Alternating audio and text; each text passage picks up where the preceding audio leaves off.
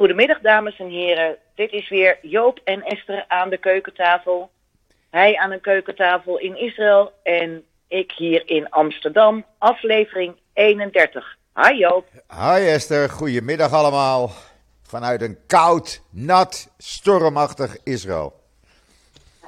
Het is toch niet te geloven, hè? Want je hebt net een hagelbui eh, over je heen gehad. En ik zag alweer eh beelden van, eh, van sneeuw op de Germon. Ja, en een ik heb eh, ook online gezet de kustlijn bij mij in de buurt. Hoe dat eruit ziet, dat is gewoon zwart. En de gevoelstemperatuur is 6 graden op dit moment. Nou, ik heb, voor, ik heb geen medelijden met je, Joop. Echt niet. Maar wij zitten hier met het mooiste lenteweer van de wereld. Een strak blauwe lucht en alles staat hier op uitpotten. Ik kijk op dit moment naar de Ieper op de gracht en daar zie je al zo'n hele lichtgroene waas overheen komen. Nou, niet te geloven. Maar goed, eh, vanaf zondag gaan de temperaturen hier omhoog, omhoog eindigend eh, tegen het eind van de week zo rond de 30 graden. Dus, ach. Ja, dan mag je ons weer uitlachen, maar nu leg, Ja. lach ik even jou uit. Ja, dit is nog nooit voorgekomen in Israël hoor. Dit is echt nooit voorgekomen. Zo laat nog zulk slecht weer. Ja, normaal hoort het 24 graden te zijn vandaag. Nou ja, en het is zes. Het, De eh, weer, de, de- ja, het weer is van slag, Joop. Ze kunnen zeggen wat ze weer willen, maar... Het is eh, absoluut van slag. is echt van slag. ja, Ja, totaal. Maar goed, we komen er wel doorheen. dat was het blokje weer. Zullen we maar beginnen met eh, nog, nog meer serieuze zaken? Ja, laten we daar maar mee beginnen. Allereerst maar even die aanslag van gisteren hè, bij jullie. Dinsdagavond, ja.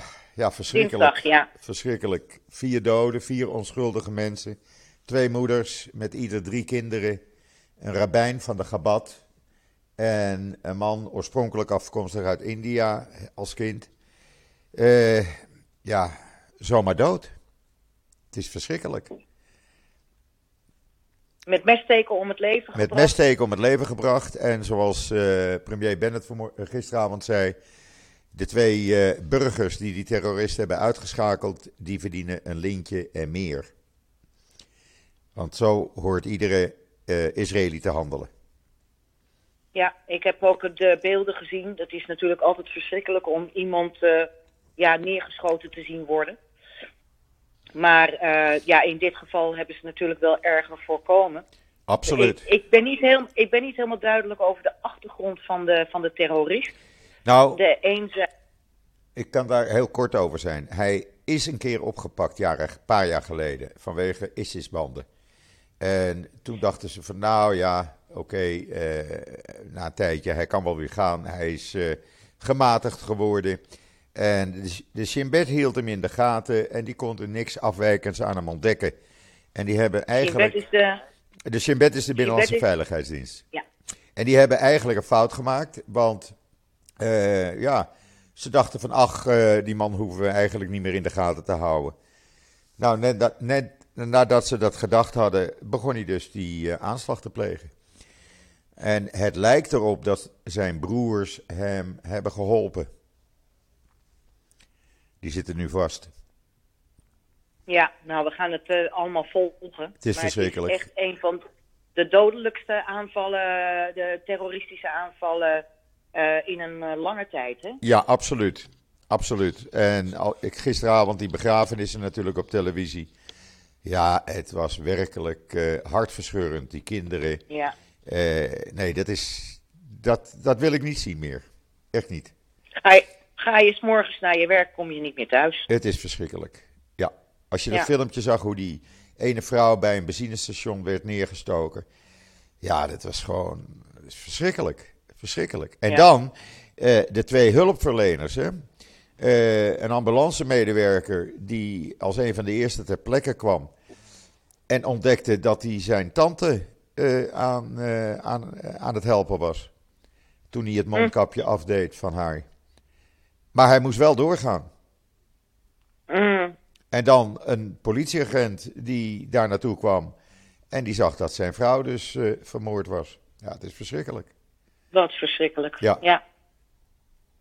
Ja, ze zijn eh, gisteren begraven. De aanslag vond plaats in Beersheba. Ja, En eh, daar is ook, eh, om maar meteen een bruggetje te maken, daar is ook Sami Baron begraven.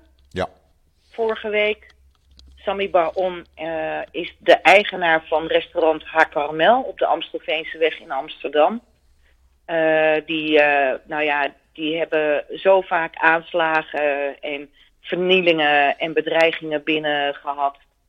En Sammy was op, eh, zoals we vorige week ook hebben verteld, hij was op eh, vakantie in Israël. En eh, is daar plotseling overleden. En afgelopen zondag was daar een herdenkingsbijeenkomst in Hakarmel. En dat was echt hartverwarmend. Daniel en David, zijn zonen, zijn heel erg blij met de enorme opkomst. Eh Dylan Jessibus was er, de minister van eh, Justitie en Veiligheid. Ook Femke, Femke Halsema gaf acte de présence. Eh, er stonden hele rijen buiten. Dus dat moet wel ehm, ze erg goed hebben gedaan. En u leest ook in het NIW deze week dat de jongens ook een fonds willen opzetten omdat Sammy dus achteraf bleek aan heel veel goede doelen te geven waar zijn zoons niets van wisten. En die willen nu dat eh, doorzetten door middel van een fonds om in ieder geval die goede doelen te blijven steunen. Dat is mooi. Dat is heel mooi. Nou man, ehm, ja, waar zullen we het eens over hebben? Nou, Er zijn eh, nogal wat onderwerpen. Eh, ik denk, eh, wat ik heel bijzonder vind, is Rabijn Jacobs in eh, Oekraïne. Om daar Joden te helpen. Dat vind ik heel bijzonder. Ja, we hebben daar volgende week ook twee pagina's over. over. En zijn dagboek, hij houdt een dagboek bij over wat hij daar allemaal meemaakt. Dat staat nu al bij ons online. Het, net het tweede deel is online gegaan. Maar inderdaad, hij is via Moldavië is hij Oekraïne ingetrokken. We vertellen niet precies hoe, wat en waar, want dat kan alleen maar gevaar opleveren. Maar hij is daar voor vluchtelingen echt ehm, ja, goud waard. Ook om ze vooral geestelijke bijstand te geven. En deze vluchtelingen gaan allemaal via de Jewish Agency in samenwerking met Christenen voor Israël richting Israël. Eh, dus d- die, ik geloof dat Christenen voor Israël alleen al de afgelopen twee weken meer dan 2000 mensen eh, hebben geëvacueerd. En, ehm, en ja, eh, de- Jacob zei in principe, de opperrabijn zei in principe tegen mij van ja, ik ga niet eh, daar naartoe voor ramptoerisme of zo, dus ik blijf lekker hier zitten. Maar er waren een heleboel andere gebadrabijnen uit Oekraïne die zeiden van alsjeblieft kom naar ons toe, want we kunnen uw hulp goed gebruiken. En ja, hij heeft zelfs geholpen met eh, eh, eh, koffers slepen de grens over enzovoorts. En er was ook een vrouw die op een brancard notabene de grens over is gedragen omdat ze kort daarvoor haar heup had gebroken. Nou ja, u leest het allemaal op de website van het NIW. En volgende week ook een, eh, twee pagina's met foto's over wat hij daar allemaal heeft meegemaakt. Als het goed is, is hij nu inmiddels onderweg naar huis. Ja, hij, hij doet dat samen met Christenen voor Israël, hè? met eh, de heren van Oort onder andere. Las ik bij jou. Ja. Ja, Ja, ja, klopt. En met Koen Callier, die daar al eh, jaren woont. En die gelukkig bijvoorbeeld ook al eh, de bui zag hangen. En al voor de oorlog bijvoorbeeld de eh, Joodse gemeenschap van Mariupol voorzien heeft van allerlei voedselpakketten. Dus hij, eh, hij was er al direct bij betrokken. Om het zo maar te noemen. Ja, Ja, ja, ja. ja. ja. Ja, Ja, ja Gabat ik doet erg veel. Gabat doet erg veel. Er stond in Israël vanmorgen een artikel eh, in de Times of Israel over jonge Gabatniks uit Amerika. Die ja, en masse naar Oekraïne zijn gegaan om iedereen maar te helpen. Joden en niet-Joden. En dat vind ik fantastisch. Ja. Ja, dat is fantastisch. Trouwens, eh, ook Urk is de laatste tijd nogal negatief in het nieuws gekomen. Maar er zijn dus ook vier eh, Urkers die daar ook mee helpen. Dat is Eh, mooi. Urkse jongens. Ja, ja. En dat mag ook wel even genoemd worden. Absoluut. Want Urk heeft, eh, heeft niet bepaald positief in het nieuws gestaan de laatste tijd. Maar ook dat is dus Urk, mensen. Trots op Eh, Urk. Dat we dat Trots op Urk. trots op Urk. Ja. Ja, die helpen daar ook mee. Nou, verder in het kader van Klein Leed, Joop. Ja, ehm, er werd eh, door het Joods Museum en het Joods Cultureel Kwartier eh, eh, in januari of in februari groots aangekondigd. Er is een heel project gaande om eh, bij alle huizen waar Joden zijn weggehaald eh, in de Tweede Wereldoorlog, om daar struikelsteentjes te leggen. En daar heeft ook de gemeente zich achter geschaard. En de eerste paar zouden gelegd worden in de Nieuwe Amstelstraat. Dat is de straat waar ook de ingang van het Joods Museum is. Een van de buurvrouwen in die straat, van de vrouwen die daar in die straat woont, die heeft dat initiatief eh, eh, opgestart. En eh, door de hele straat werd daar heel enthousiast op gereageerd. En op 22 februari zou dan de eerste, zouden de eerste struikelsteentjes gelegd worden. Maar toen stormde het enorm, dus toen hebben ze het uitgesteld. Maar nu is er één man in die straat, één man, die er bezwaar tegen maakt. nou ja, En die dus een bezwaarschrift heeft ingediend bij de gemeente. nou ja. Want hij, ja, hij is bang dat het te druk wordt in zijn straat. Maar daar, ook daarover leest u alles in het NIW deze week. Ik zou ja, zeggen, ik zou ook. zeggen, ga verhuizen. Het is trouwens, eh, Nou. ja, Ik zou zeggen, zoek een andere hobby. ja, het is trouwens de straat waar ik ben opgegroeid, want mijn grootouders van mijn eh, de ouders van mijn vader, dus mijn grootouders, die woonden bo- boven de ijssalon van Montesinos. Nieuwe Amstelstraat 22 of 24 was dat. Dus ik ben daar eigenlijk omgegroeid, opgegroeid. Ja, Want ik, dat is jouw, jouw, jouw jeugdbuurt. Het is mijn jeugdbuurt. Ik ben geboren om de hoek. Naast het, eh, wat nu het Joods Historisch Museum is. Jonas Daniel Meijerplein 7. En mijn grootouders die eh, woonden tot aan hun dood boven de ijssalon van Montesinos in de Nieuwe Amstelstraat. Dus ik ben daar altijd geweest. Dus Ja. ik ken die straat. Nou ja, dit is, dit is wat er dus nu eh, gebeurt. Ja, en, eh, niet te geloven. eh, kijk, eh, dit, dit, dit is natuurlijk altijd uitstel en wordt geen afstel. Maar het is maar weer ontzettend verdrietig, sowieso. Hè. We hebben het ook met de namenwand gezien. Ja, Wat eh, Jacques Grishaver allemaal niet te verduren heeft gekregen van allerlei buurtbewoners die het allemaal maar helemaal niets vonden. En nu, nu is iedereen diep onder de indruk van dat prachtige monument dat er staat. En zelf heb ik een beetje een ambivalent gevoel hoor, over die struikelstenen. Maar goed, als mensen daar blij mee zijn, dan moeten ze het vooral doen. tuurlijk. Maar dat dan één zo iemand eh, de hele zaak maar weer even blokkeert. Het is toch ook Het ten is hemel niet, schrijend. Het, en het, het tekent ook wat voor persoon eh, die man dan is. Ik bedoel, totaal geen respect voor wat er, eh, eh, wat er is gebeurd en wat de Joodse bevolking is aangedaan. Totaal niet. Nee, nee. Nee, het is echt, eh, nou ja, we gaan zien hoe het loopt. We zullen dat absoluut bijhouden. Maar u leest er ook deze week alles over in het NIW. En ook hoe de vrouw die dit heeft geïnitieerd, ja, toch totaal verbouwereerd is dat dit nu ineens gebeurt. We hebben er gesproken. Ga ik lezen. Nou. Oh, er ging een piepje bij jou. Nee hoor. Oh, nee, dan is, zit het ergens in de lijn. We gaan een, een volgend onderwerp eh, aanpakken, eh, Joop. En Ja. dat is natuurlijk het overlijden van Madeleine Albright. Ja. Was even schrikken gisteravond. Overleden, ja.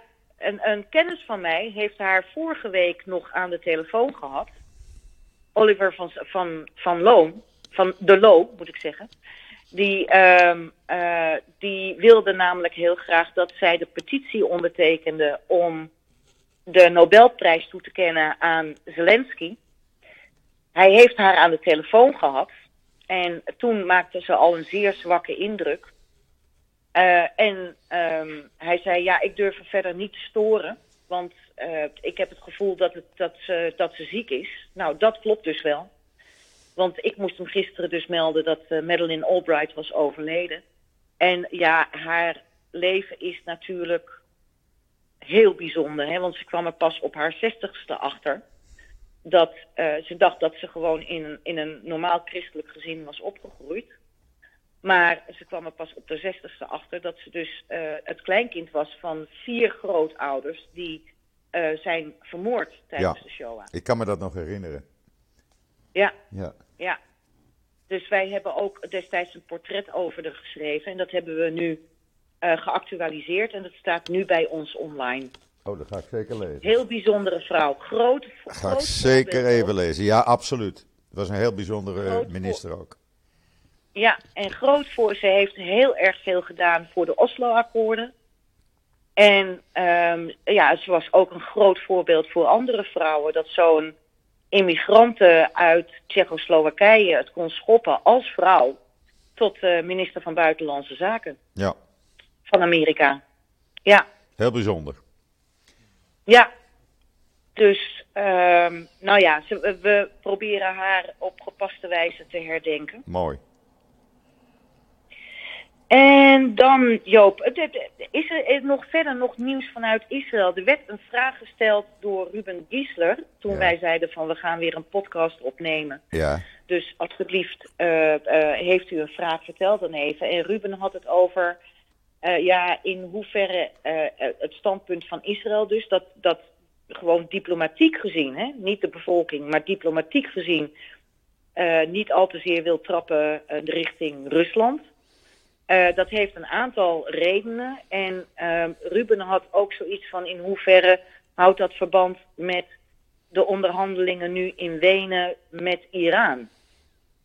Nou, dat houdt niet verband met de onderhandelingen eh, in Wenen voor eh, een nieuwe Iran-deal. Het houdt meer verband met het feit dat Bennett probeert te bemiddelen tussen Rusland en Oekraïne.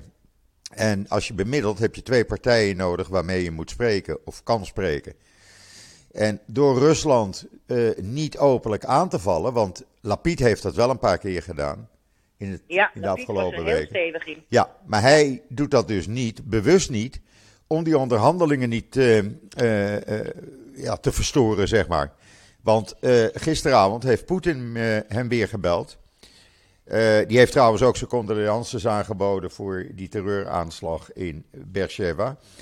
Maar hij heeft hem gebeld, eh, met name om die bemiddeling. En eh, zoals ik gisteren ook zei in de podcast die ik met Han de Broeke maakte. Bennett heeft de Shin Bet, de, binnenland, de veiligheidsdienst dus van Israël, opdracht gegeven zich voor te bereiden op een mogelijk vertrek van hem naar Kiev.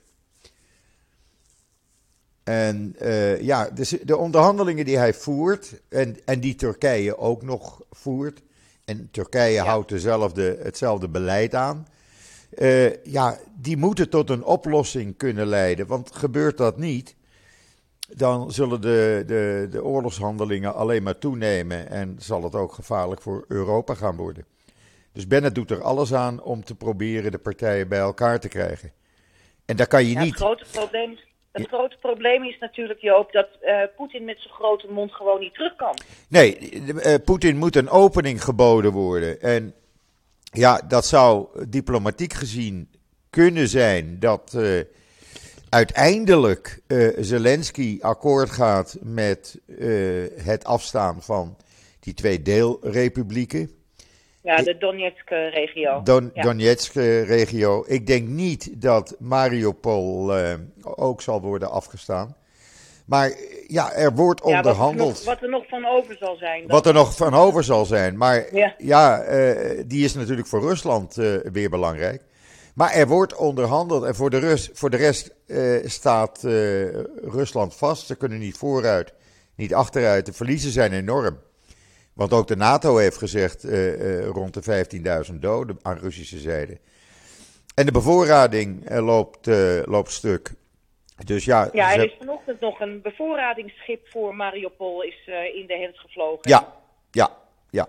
Dat hadden de Russen groots aangekondigd een paar dagen geleden. Van kijk ons eens even. En dat schip is nu ja, in de hens gegaan.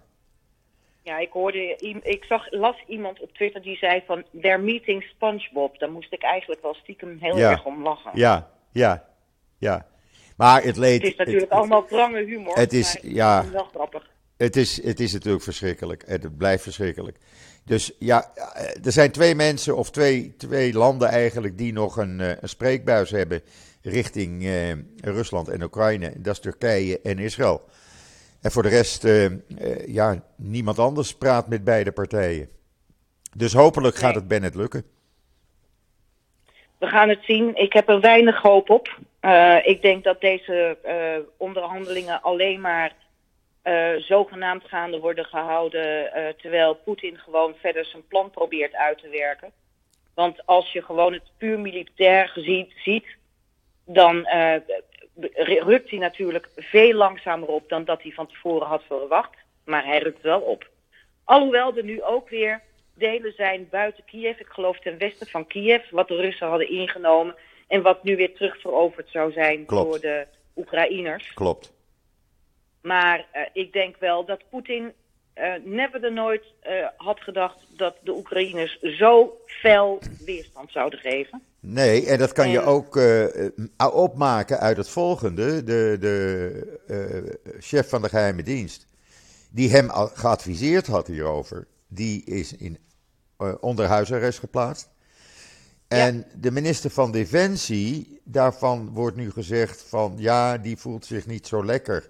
Daarom hebben we al een aantal dagen niets meer van hem gehoord. Dus er, er is iets aan de hand daar binnen zijn uh, kring van vertrouwelingen. Dus dat gaat ook precies. niet goed. Nee, dat gaat niet goed inderdaad. Dat klopt. Uh, hoe dat precies werkt en zit en vanuit wie het niet goed gaat, weten we niet. Want we krijgen natuurlijk helemaal geen informatie daarover door.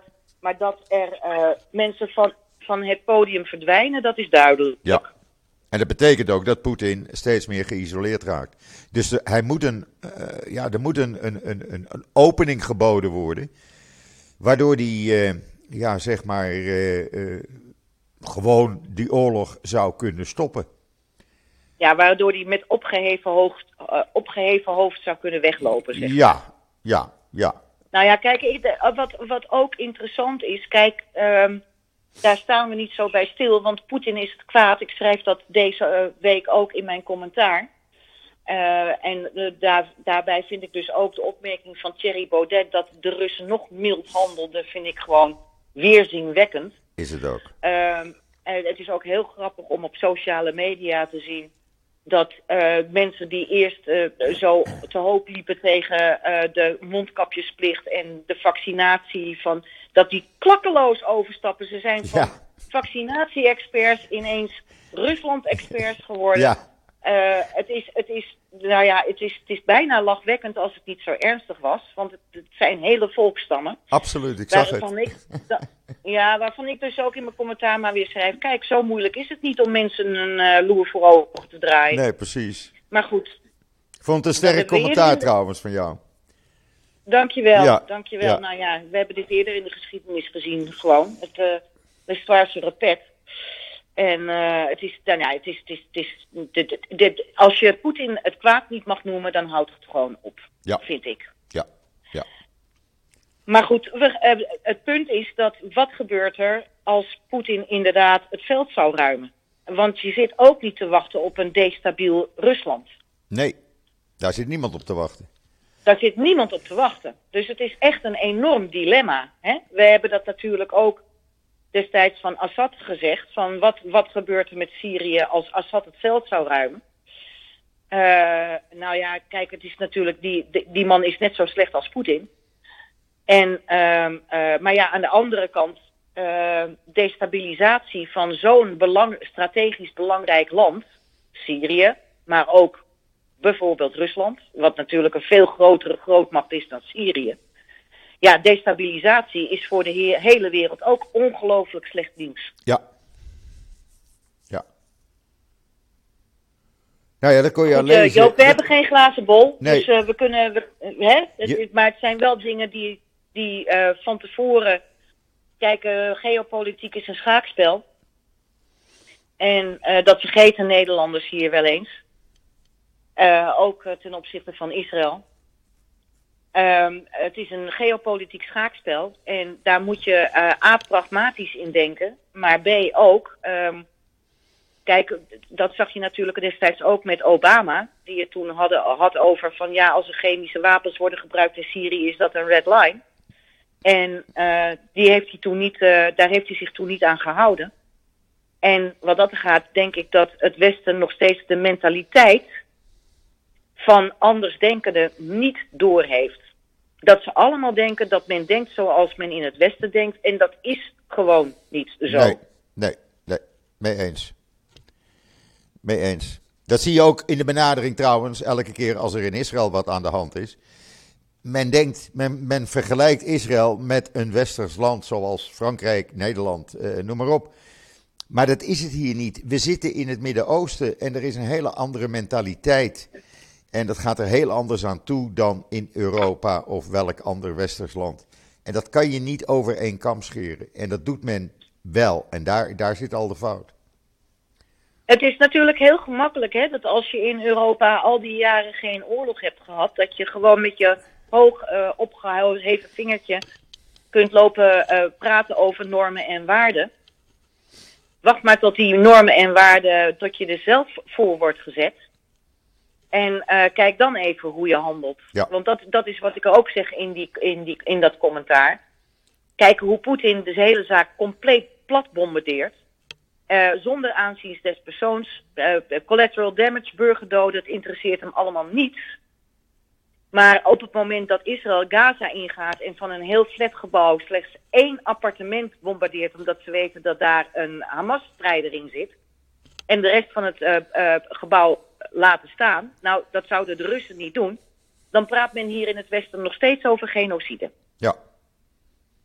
En dat is dat, de, de, de, de echt ongelooflijk. Ja. Ik, ik heb ook nog helemaal niet zoveel mensen de straat op zien gaan voor Oekraïne als dat ze doen tegen Israël, bijvoorbeeld, bijvoorbeeld vorig jaar mei. Ja.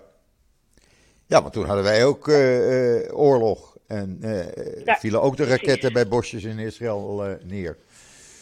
Ja. Zomaar uit het niets. Maar er valt, er, er valt niet tegenop te argumenteren, Joop. Want mensen eh, hebben een onderbuikgevoel dat, eh, waardoor ze zich laten leiden. En eh, rationele argumenten, ehm, daar, da- daar los je die onderbuikgevoelens niet mee op. Nee. Als je begrijpt wat ik bedoel. Dat begrijp ik helemaal. En dan zal ik jou een mooi voorbeeld geven. Vanmorgen is hier bekend geworden dat de minister van Cultuur en Sport, Silly Tropper, die heeft eh Oekraïnse vluchtelingen in zijn huis opgenomen. Een moeder met haar zoon en de hond. De vader vecht nog in, eh, in Oekraïne. En die, eh, die zoon, dat is een tennistalent. En er is een speciaal programma opgezet voor Oekraïnse sporters hier in Israël. En hij heeft dus die moeder en zoon in zijn huis opgenomen. En die kunnen daar blijven zolang als het nodig is. Dat is nogal wat. Ja, Dat is nogal wat. Ja, ik sta ook op een lijst. Maar ik zou het niet langer dan een maand kunnen doen. ja, ja. Nee, maar ik bedoel, maar dan zie je weer het verschil in. eh, eh, kijk, in Nederland, de ministers hebben, hebben hun mond en, en van alles eh, vol over vluchtelingen, maar ze doen zelf niets. Hij geeft het goede voorbeeld. Ja. Ja. Ja, dat is een goed voorbeeld. Ja, Dat is een goed voorbeeld. Maar even om terug te komen op die totale scheeftrekking, Joop. Het was hier deze week ook eh, Israël Apartheidweek. En ehm, ik heb even, eh, ik, ik ontving een persbericht dat eh, de Erasmus Universiteit in Rotterdam een, een, een congres ging houden. Open voor debat. Nou, als je dus zag eh, wie daar aan meedeed, een voormalig leider van de Palestijnse autoriteit, of eh, be- be- hoog in de Palestijnse autoriteit, Omar Barghouti. Nou, eh, ons wel bekend, ook oprichter van B- BDS. Jaap Hamburger, de Rights en Forum. een Pales- ja, de Rights Forum en, en een vertegenwoordigster van Amnesty International, een Palestijnse. Ja, dus eh, wij hebben dat vorige week gebracht, ook met van wat is hier nog voor debat, want u denkt er allemaal hetzelfde over. En wat doet een universiteit als de universiteit, Erasmus Universiteit met zoiets? Want dat is puur een politieke bijeenkomst. En universiteiten zeggen altijd dat ze geen politiek statement moeten willen maken. Nou, dat doen ze wel op het moment dat ze aan zo'n organisatie en zo'n eh, eh, co- congres hun deuren openstellen. Doe dat maar lekker buiten de universiteit. En dat heeft Leiden bijvoorbeeld ook gedaan. Want in Leiden wilden ze ook zoiets samenstellen. En daarvan heeft de rector Magnificus van Leiden gezegd: U zoekt het maar buiten de deur, maar niet, uh, niet onder ons dak. Heel erg sterk. Uh, en Bart heeft, Bart Schut, mijn collega Bart Schut, die heeft gestudeerd aan de Erasmus.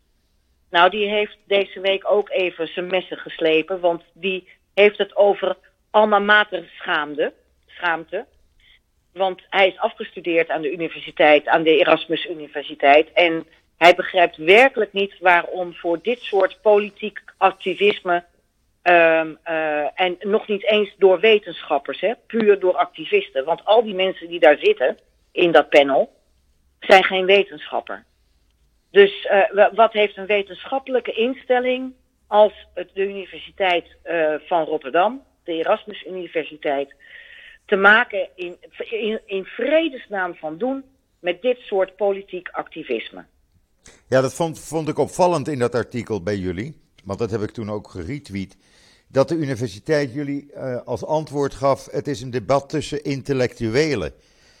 En dan vraag ja, ik me af: is, uh, is Jaap Hamburger en Mar meneer Mark Boetie van BDS, zijn dat intellectuelen sinds wanneer? Ik heb het nooit geweten. Precies. En ook dat ze verder geen politiek standpunt in wilden nemen. Ja, dat doen ze wel. Ja. Weet je, het was een heel rare, uh, uh, rare reactie van de universiteit. Ja, maar dat is Nederland 2022. Zolang het maar tegen, tegen Israël gaat, is het allemaal prima. Zodra het uh, pro-Israël wordt, dan deugt het opeens niet meer. Nee, dat is het grote probleem. En waar is het debat? Ja. Waar is het debat met deze vier mensen die het allemaal uh, met elkaar eens zijn? Er, er, is helemaal geen sprake van debat. Nee. Er is alleen maar sprake van indoctrinatie. Dat is het. Ja. Het is pure indoctrinatie. Daarop aansluitend, uh, uh, omdat je zegt indoctrinatie. Nou, gisteren, het AD had het over een vermeende terrorist waar uh, de NOS het uh, nog mooier maakte, want die had het alleen maar over een dader in Beersheba. Ja, heel leuk. Ja, ja, Ze gaan voor niets met messen lopen zwaaien. Daar. Ja. ja. Ja. Dus ja, hm. ik, ik, weet het niet. Ze zijn in Nederland totaal de weg kwijt. Nou ja, wat ik fra uh, frappant vind is dat ze voor dit soort nieuws uitermate politiek correct zijn. Ja. En op het moment dat het over Israël gaat, dan wordt die politieke correctheid ineens totaal overboord geworden. Ja, die geldt dan niet meer. Die geldt, die dan geldt niet meer. Nee. Ja. Nee. Nee. Ik, ik heb nog. Ja. Ga je... Nee, ga je gewoon Nee, nee, nee, nee, ik ben klaar eigenlijk. Oké, okay, dan heb ik, ik nog ik neem nog even gauw een bakje koffie. Hè? Wil jij er ook nog eentje? Heel goed. Schenk ik er twee in. Hè? Ja, en okay. mijn moeder zit hier lekker mee te luisteren. Dus, uh, Gezellig. Die, uh, die krijgt, zich ook met, die krijgt ook met een bakje. oh, lekker. Ja, mijn hond zit ook mee te luisteren. Die is nu even stil. Want die weet, ja, dat, die weet dat hij een cookie krijgt na afloop. je voedt hem goed op, joh. Ja, ja, ja, ja. ja, ja. Voorwoord hoort wat. Ja, maar ik denk niet dat er een vreemde de lift bij je uit moet stappen, want dat we dan weer, uh, dat we dan weer een bal hebben. Nou, uh, dat begint hij langzaam af te leren. Maar goed, uh, het vergt nog enige tijd, denk ik. Maar we gaan de goede kant op. Laatste punt nog, Joop. Um, tenminste, wat mij betreft, ook in het NIW deze week. Het rapport dat is uitgebracht door, door, door dit keer echte wetenschappers over dat boek Het Verraad van Anne Frank. Ja, dat is groot in het nieuws hè, hier in Israël, zowel in de Hebreeuwse als de Engelstalige pers. Heel fijn, jammer dat dat niet in andere landen gebeurt. Want die hebben het boek Het Verraad van Anne Frank allemaal overgenomen als zijnde de waarheid. En deze groep van vijf wetenschappers, onder wie historicus Bart Wallet en ook historicus Bart van de Boom en medewerkers van het NIOD enzovoorts. Dus echt een exquise gezelschap van echte kenners van uh, de geschiedenis van voor, tijdens en vlak na de Tweede Wereldoorlog. Die hebben een rapport uitgebracht van wel 72 pagina's. Ik kreeg het dinsdagochtend in handen en heb het toen meteen ook helemaal gelezen. Ze laten geen Spaan van de heer Pieter van Twisk en meneer, eh, hoe heet die Amerikaan, eh, die FBI-man, Heel. Ze hebben broddelwerk afgeleverd, uitermate amateuristisch. Ik heb zelden wetenschappers zo horen uithalen naar, eh, naar een onderzoek en naar een boek. Maar ja, dat is natuurlijk wel helemaal terecht, want het is een aaneenschakeling van.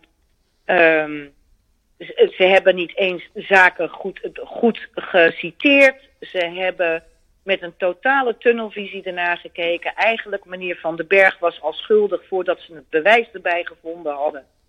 Uh, nou ja, het is één grote opeensomming van waar dat uh, zogenaamde cold case team, uh, die dan via dat boek dat ze in het Westen hebben gepubliceerd en dat, um, dat ook een op een bepaalde manier deden. Hè? Want, Ja. want ze hebben het nooit laten le- tegenlezen door wetenschappers die hadden kunnen zeggen van ja maar jongens jullie gaan hier fout. Jullie gaan hier de mist in.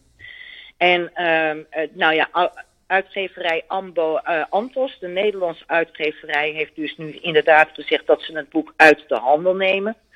Maar in een heleboel andere landen is het nog gewoon vrij verkrijgbaar. En in bijvoorbeeld Amerika en Australië denken ze nog steeds dat dat boek de waarheid is. Dus uh, ja, uh, het, de schade is toch al berokkend. Ja. En ik hoop dat de heer Pieter van Twisk, um, de voorzitter van dat cold case team, zich heel goed realiseert wat voor enorme schade, scha, schade hij heeft aangedaan met dit ego-project. Want dat is het gewoon. Waar hij goede centjes mee heeft verdiend met de verkoop van dat boek. Een puur, pure ego-tripperij is dit geweest. Want volgens mij wisten ze al halverwege dat ze helemaal geen dader konden aanwijzen. En hebben ze dat toch moeten doorzetten.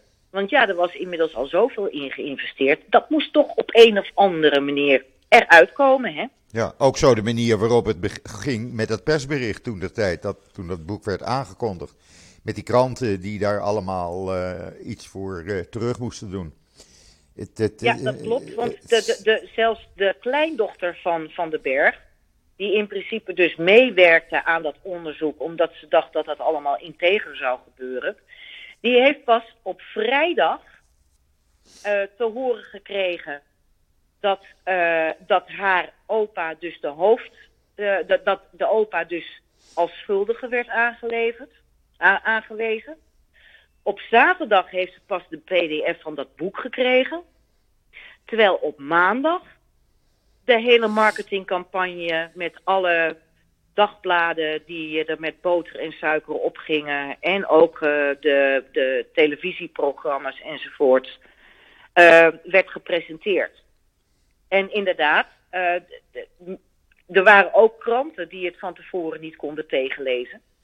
Want uh, als, zij, als het op een of andere manier voor de presentatie op maandag zou uitlekken, dan uh, uh, kregen kranten miljoenen claims aan hun broek. Maar ja, ik, Joop, je kent mij een beetje. Ja. Ik heb natuurlijk naar aanleiding van de eerste geluiden toen ook de gemeente Amsterdam gecontact en gevraagd van, ja jongens, jullie hebben dit cold case team onder leiding van de heer Pieter van Twisk hebben jullie toen uh, een ton subsidie gegeven. Maar dat is helemaal onder valse voorwenselen gebeurd. Want de zogenaamde wetenschappers die op die lijst stonden, die deden helemaal niet mee aan dat onderzoek. Dus uh, uh, is dat niet. En kijk, iemand als Barnau stond erop, hè? En Ja. dus, dus ja, de grote NIOD-onderzoeker, ja, dat wil dan wel. Dan denkt Amsterdam, dat zit wel snor. Maar David Barnau heeft nooit meegewerkt aan het onderzoek. Dus het is gewoon op valse voorwenselen verleend. Dus ik hoop dat uh, Amsterdam is nu met een onderzoek bezig.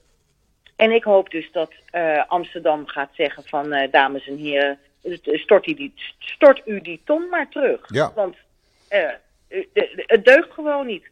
En Pieter van Twisk die dan vervolgens durft te zeggen in Trouw van de Week dat uh, de kritiek op uh, hun onderzoek in Nederland wel heel erg toxisch is geweest. De kritiek is toxisch. Niet te geloven. Is niet te geloven. Precies. Ja. dan, dan ben je wel echt van het padje. Ja, Dan de, de- meneer Van Twisk deugt niet. nee, Gewoon heel simpel, hij deugt niet. nee. Hij is met een fout onderzoek gekomen. Het ging om het Een fout geld. boek over. Het ging om het geld. Precies. Er is een fout boek gekomen. Hij heeft grote naam willen maken. En nu zit hij in de shit. En in plaats van dat hij zegt, dames en heren, inderdaad, wij hebben een totale tunnelvisie gehad. En eh, achteraf gezien is de methode zoals wij die hebben aangehangen gewoon niet goed genoeg geweest. We hebben ook eh, we, bewust er niet voor gekozen om het te, te laten tegenlezen door wetenschappers.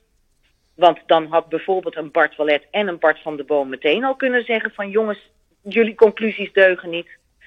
Ehm, en als meneer Van Twisk zich vervolgens in de slachtofferrol durft te manoeuvreren en te zeggen dat de kritiek die wij terecht leveren, zo blijkt ook uit dit 72 pagina's tellende, rapport, eh, dat hij zich dan in een slachtofferrol wil gaan manoeuvreren, want de kritiek is toxisch. Nou, if you can't, can't stand the heat, get out of the kitchen. En dat hadden ze al eerder moeten beseffen. Je hoort me, Joop. Nee, maar je hebt gelijk. Alleen wat mij opvalt is gewoon de, de karige publiciteit in, in Nederland hierover. Dat zijn kleine berichtjes, kleine artikelen. Niet echt uitgebreid, terwijl het hier in Israël. Nou, de Volkskrant, ja, nee, de Volkskrant is wel met twee derde pagina erover. Oké, eh, maar hier wordt echt breed uitgepakt. Eh, alle Hebreeuwse eh, eh, eh, websites van de ni- nieuwskanalen, die hebben het erover. Het is op alle drie de nieuwszenders geweest, uitgebreid met de toelichting. Het staat in de Hebreeuwse kranten en het staat in de Engelstalige kranten. En niet in één, maar in bijna allemaal. Dus het wordt echt ja, maar met groot. alle respect, Joop, Ja. met alle respect, Israël is het laatste land waar dit groot nieuws zou moeten zijn. Dit zou groot nieuws moeten zijn ook op CNN. Ja, En ben ik met je eens. die, die, die er 60 Minutes aan hebben besteed toen het boek uitkwam. En in Australië, waar mensen nog steeds denken dat het dus inderdaad meneer Van den Berg de verrader was. En, en het, ik hoef jou niet te vertellen dat heel veel antisemieten dit boek natuurlijk hebben aangegrepen. Zie je wel, die Joden verraden elkaar. Want Ja. dat is wat je krijgt. Ja, En, en, en om dat daadwerkelijk, die conclusie weg te krijgen, zal het groot nieuws over de hele wereld moeten zijn. En dat is het gewoon niet. Nee. Ik hoop van harte dat die kleindochter een eh, proces gaat aanspannen. Waar ze Dat het van de week over had. Ja. Want dat is de enige Daar manier om nog eens een keer uitgebreide publiciteit tegen dit boek te krijgen. Ja, want ze hebben ook zonder haar toestemming bijvoorbeeld de trouwfoto van Van den Berg laten zien. Hè? Ja. Die kwam uit haar familiealbum. Ja, er is nooit en toestemming die hebben voor. ze gewoon, hebben ze gewoon eh, doorgesluist naar eh, CBS voor 60 Minutes. Ja, je gelooft het al. Terwijl eh, Wilfried Baaiens, de, of nee, niet, sorry, dat zeg ik weer fout. Het is niet Wilfried Baaiens. Baaiens, dat is de man die het zou, fil- zou filmen. Sorry Wilfried, jij bent het niet, excuus. het is een andere voornaam, maar Esther in namen. Die heeft destijds beloofd dat eh, er prudent met haar gegevens zou worden omgegaan. Nou, dat is dus helemaal niet gebeurd, want ze hebben gewoon alles wat zij heeft laten zien, gewoon klakkeloos op CBS, CBS getoond. Ja, het is niet Dus te eh, het is gewoon een het is, het is gewoon een stelletje, nou ja, eh, laat ik het netjes houden. Niet integere personen. Dan zeg je het heel netjes. En dan kunnen, precies. En dan mag Van Twisk eh, onder meer mijn kritiek toxisch noemen. Kom maar op, meneer Van Twisk, want ik lust je rouw. Ja, want hij heeft geen bewijs. Absoluut niet. Eh, Er is geen bewijs. Nee, Er is gewoon helemaal geen bewijs. nee, We zullen er nooit achter komen wie Anne Frank heeft verraden. nee. Dat, zo ging dat in de oorlog. Zo ging dat. Ja, Er zijn hele families totaal vergast zonder dat ze wisten of hun buurman hun verraden had. Of eh, degene bij wie ze ondergedoken had geze- hadden gezeten. Je weet het niet. nee. Dat is de ellende. En de mens moet gewoon soms accepteren dat ze bepaalde dingen gewoon niet kunnen verklaren. Nee, precies. Precies, helemaal mee eens. Oké, einde rent, Joop. Eh, ik zit me weer op te winden. Ja, doe maar niet. Maar goed. Doe maar niet. We hebben trouwens deze, we- deze week in het eh NIW ook een heel interessant stuk over eh, Joden die hebben gespioneerd voor de communisten. En wat daaraan ten grondslag lag. Oh, Dus eh, een heel interessant stuk, weer van uiteraard Bart Schut. Die is daar helemaal ingedoken. En eh, dat is in onze serie Joodse Spionnen. Eh, en eh, volgende, volgende aflevering gaat ehm, eh, de aflevering worden van de Israëlische spionnen. Want daar valt natuurlijk ook heel veel over te daar vertellen. valt heel veel over te vertellen, ja. En wat staat er nog meer in het NIW deze week? Nou, ik heb het eigenlijk wel gecoverd, hè. De universiteiten dus, hè, de. Erasmus, de struikelstenen, Ja. Uiteraard Oekraïne, ehm, dat rapport van Anne Frank, eh, de herdenking van Sami, eh, Madeleine Albright. Nee, Madeleine Albright, is- dat, is, dat komt volgende week.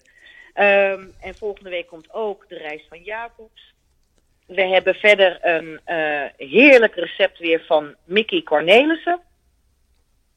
De, die heeft dolma's gemaakt, want er zijn ook nog leuke dingen in het NIW, dames en heren. Tuurlijk zijn er leuke En- dingen in het NIW. We hebben weer een paar, we hebben weer een paar mooie boeken geselecteerd en eh, cultuurtips. En, nou, ehm, ga niet op. want ja, we, we, we zijn natuurlijk sinds vandaag of sinds gisteren helemaal eh, van al onze eh, coronamaatregelen af, Joop. Ja, wij niet. Wij niet. Het mondkapje is nog steeds verplicht in alle publieke ruimten. En ja, het aantal besmettingen neemt weer toe. Eh, hoofdzakelijk door de BA2-variant. Die het land in is gebracht door twee Israëli's die uit Nederland kwamen. En die hebben die variant meegenomen. En we zitten nu, eh, ik heb het toevallig vanmorgen gepubliceerd op Israël Nieuws, op over de 67.000 actieve patiënten. De R-waarde staat op 1,42. Dat is ook veel te hoog. Betekent dat één iemand die besmet is, bijna anderhalf, eh, anderhalve persoon besmet eh, kan maken. En eh, ja, het aantal dagelijkse besmettingen neemt gewoon met 13.000, 14.000 per dag toe op dit moment. Dus dat gaat niet goed. Er komt natuurlijk ook, we hebben Purim gehad en we hebben die enorme begrafenis van Rabijn Kanievski gehad, waar Ja. 750.000 mensen zonder mondkapje bij aanwezig waren. Ja, eh, en dan krijgen we over drie weken Pesach weer, waar hele families weer bij elkaar aan de eh zijdertafel gaan zitten. Ja, dus het zal voorlopig nog wel even toenemen hier. Maar Joop, wat, zijn- hoe zijn de, de symptomen? Ja, de meesten hebben eh, of alleen maar het virus bij zich, verder geen klachten. Of ze hebben lichte tot milde klachten en zijn na een paar dagen kunnen ze weer eh, de straat op. Ja, dus de klachten zijn toch wel Ja, want het aantal eh, patiënten in de ziekenhuizen is afgenomen tot rond de 300 ernstige patiënten, dus dat valt mee. Ja, dat is bemoedigend. Maar het is alleen vervelend. Het is alleen vervelend. Maar goed, ik ben wel weer begonnen om de kinderen één voor één op vrijdagavond uit te nodigen. Dus niet met z'n allen tegelijk, maar wel per gezin. En dat is hartstikke leuk. Dat is hartstikke leuk. Heerlijk natuurlijk, hè, want je hebt ze zo gemist de Meer dan een jaar jaar. is dat niet gebeurd Ja. op vrijdagavond. Dus, eh, en met Pesach, eh, ja, ik denk wel dat we met z'n allen bij elkaar komen. Nou, ik waag me binnenkort voor het eerst in het eh, vliegtuig. Ik ga eh, eh, even een paar dagen naar Budapest. En eh, in de Pesachvakantie ga ik ook nog naar een andere bestemming. Ik weet nog niet precies of dat Lissabon of Vilnius wordt. En wanneer kom je hier? voor, En wanneer kom je hier? dat is weer voor een verslag uit het buitenland. Ja, dit soort dingen moet ik eerst doen, Joop. Ja. Maar wie weet, in, in juli dan hebben wij ook twee weken zomerstop. En ja, ik kijk er wel naar uit om weer eventjes eh, Ja, even lekker naar het strand. even over Hè? Boulevard Rooshiel te, te lopen. En Ook zo. dat, ook dat. Nou, ik zal je iets leuks vertellen. Mijn, eh, de kinderen van mijn dochter, de drie, eh, twee kleindochters en een kleinzoon, die waren met Purim, met een hele grote groep jongelui uit, eh, uit eh, Amsterdam, hier Purim aan het vieren. Die zijn hier eh, een dag of drie, vier geweest en toen zijn ze uitgefeest weer op het vliegtuig gestapt. Want Purim in Israël is zoveel leuker. Want opa, we gingen van het ene feest naar het andere feest.